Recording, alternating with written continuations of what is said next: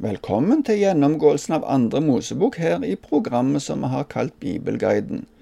Det kan hende du ville vi skulle ha stansa opp mer for tekstene, men da ville det ta mye lengre tid å komme igjennom.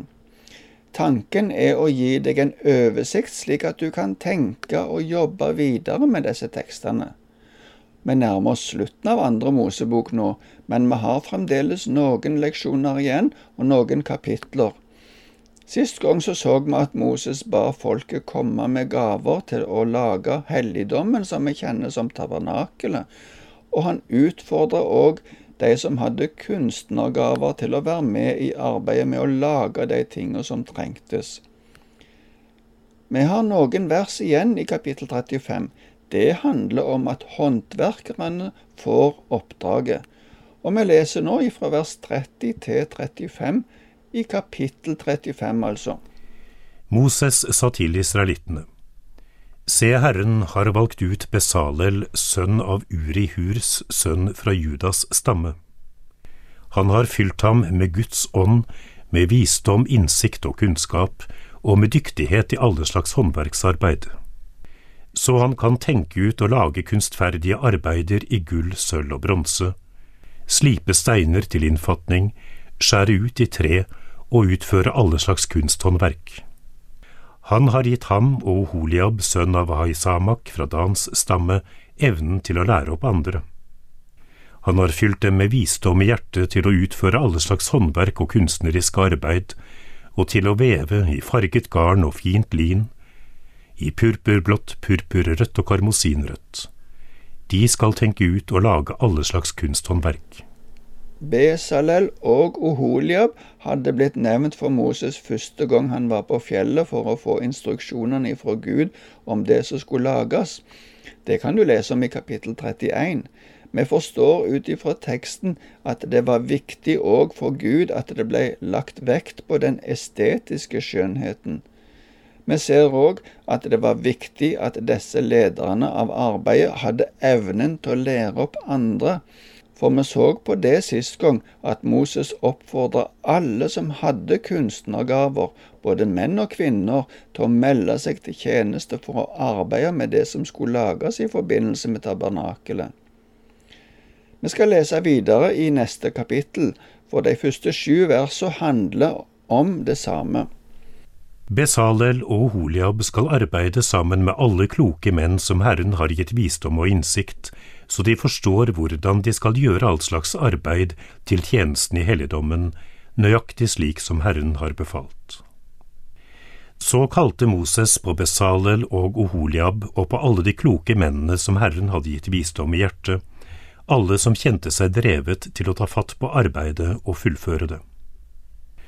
Av Moses fikk de alle offergavene som israelittene hadde kommet med til arbeidet og tjenesten i helligdommen men morgen etter morgen fortsatte folket å komme med frivillige gaver.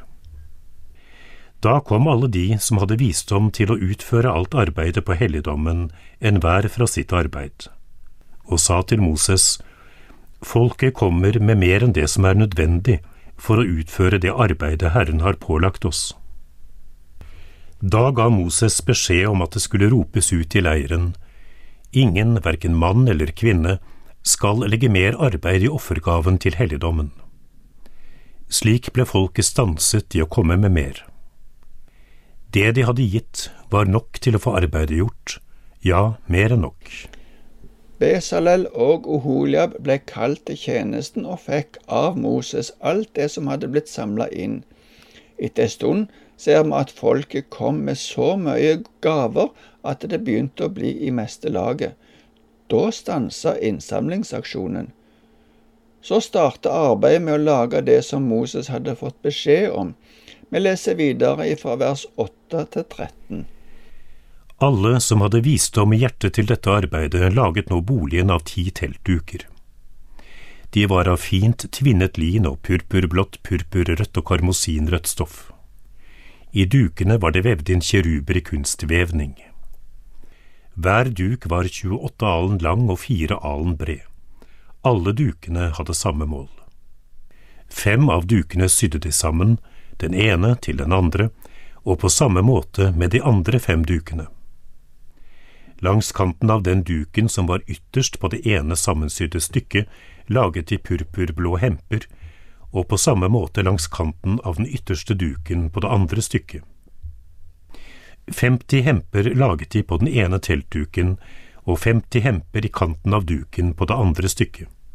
Hempene satt rett mot hverandre. Og de laget 50 kroker av gull. Med dem hektet de dukene sammen så boligen ble et hele. Alle som hadde visdom i hjertet, leste vi. I norsk bibel er det oversatt med de kunstforstandige iblant de. Dette er en fin kommentar der vi kan ane at Gud stilte krav til formgivning. Han hadde gitt omhyggelige og detaljerte instruksjoner til hvordan det skulle lages, og håndverket ble av høy kvalitet. I dette avsnittet handler det om de indre teppene til tabernakelet. I fortsettelsen ser vi på de ytre teppene og det som holdt teltet oppe. Vi leser fra vers 14 til 34. De laget duker av geitehår til et telt over boligen. Elleve slike duker laget de. Hver duk var 30 alen lang og fire alen bred. Alle de elleve dukene hadde samme mål. Fem av dukene sydde de sammen for seg, og seks for seg. I kanten av den duken som var ytterst på det ene sammensydde stykket, satte de 50 hemper, og i kanten av det andre stykket 50 hemper. Og de laget 50 kroker av bronse så teltet kunne festes sammen til et hele. Deretter laget de et dekke over teltet av rødfargede værskinn, og over det igjen et annet dekke av fingarvet skinn. Plankene til boligen laget de av akasietre. De sto loddrett.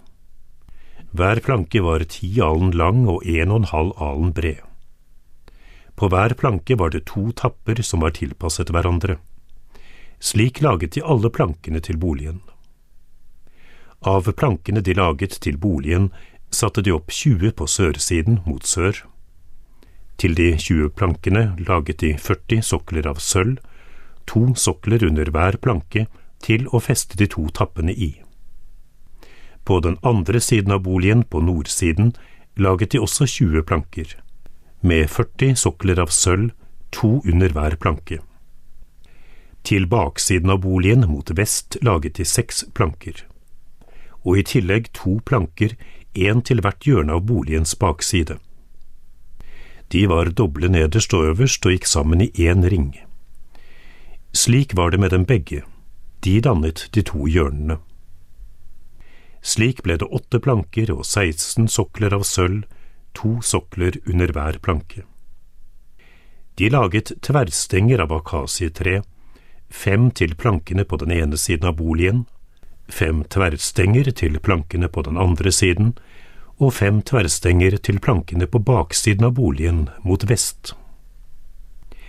Den midterste stangen satte de slik at den gikk tvers over, fra den ene enden til den andre, midt på plankene. Plankene kledde de med gull, og ringene på dem som var holdere for tverrstengene, laget de av gull. Tverrstengene kledde de også med gull. Utformingen skjedde helt etter de instruksene som Moses fikk på fjellet, og som vi gikk igjennom i kapittel 26. Det første avsnittet som vi leste nå, handler om de ytre teppene og krokene som skulle binde de sammen, fra vers 14 til 19. Så handla det om plankene som skulle holde teppene oppe, og soklene for disse, ifra vers 20 til 30. Mellom alle plankene som sto på høykant, var det noen tverrstenger som skulle holde konstruksjonen stabil. I alt det som er beskrevet her, ser vi at det var både en avansert konstruksjon og at det var kostbart, for det ble brukt mye gull i produksjonen av dette. Vi leser litt til, og da leser vi resten av kapittelet fra vers 35 til 38. De laget et forheng av purpurblått, purpurrødt og karmosinrødt stoff og fint tvinnet lin. Det var laget i kunstvevning med kiruber. De laget fire søyler av akasietre til å henge det på, og kledde dem med gull. Hakene på dem var også av gull og de støpte fire sokler av sølv til dem. For inngangen til teltet laget de et teppe. Det var av purpurblått, purpurrødt og karmosinrødt stoff og fint tvinnet lin, alt i farget vev. Til teppet laget de fem søyler med haker. Søylehodene og båndene kledde de med gull, men de fem soklene var av bronse. Forhenget som skulle skille den delen av tabernakelet som ble kalt det aller helligste ifra resten, som fikk navnet Det hellige, var òg et veldig flott og kunstnerisk teppe. For å holde det oppe var det fire søyler av akasietre som var kledd med gull. Ved inngangen til det ytterste rommet i teltet, altså det hellige, skulle det òg være et lignende teppe. Det var òg et flott teppe. Dette teppet ble holdt oppe med fem søyler. De mer detaljerte beskrivelsene av teppene finner vi i kapittel 26, i den siste delen av det kapittelet. Det har tydeligvis vært mye folk i arbeid med å lage dette, og i det neste kapittelet ser vi på alle de gjenstandene som skulle være i teltet, og det ble òg laga av håndverkere som forsto seg på kunst, og etter den nøyaktige beskrivelsen som Moses hadde fått på fjellet. Men det må vente til neste gang. Kanskje vi skal ta med oss et hint om at det Gud har sagt, det bør vi følge nøye. Men òg at Gud har gitt de som arbeider med dette, visdom i hjertet, slik at de kunne gjøre etter det som var Guds vilje. Det får være nok for i dag. Herren være med deg.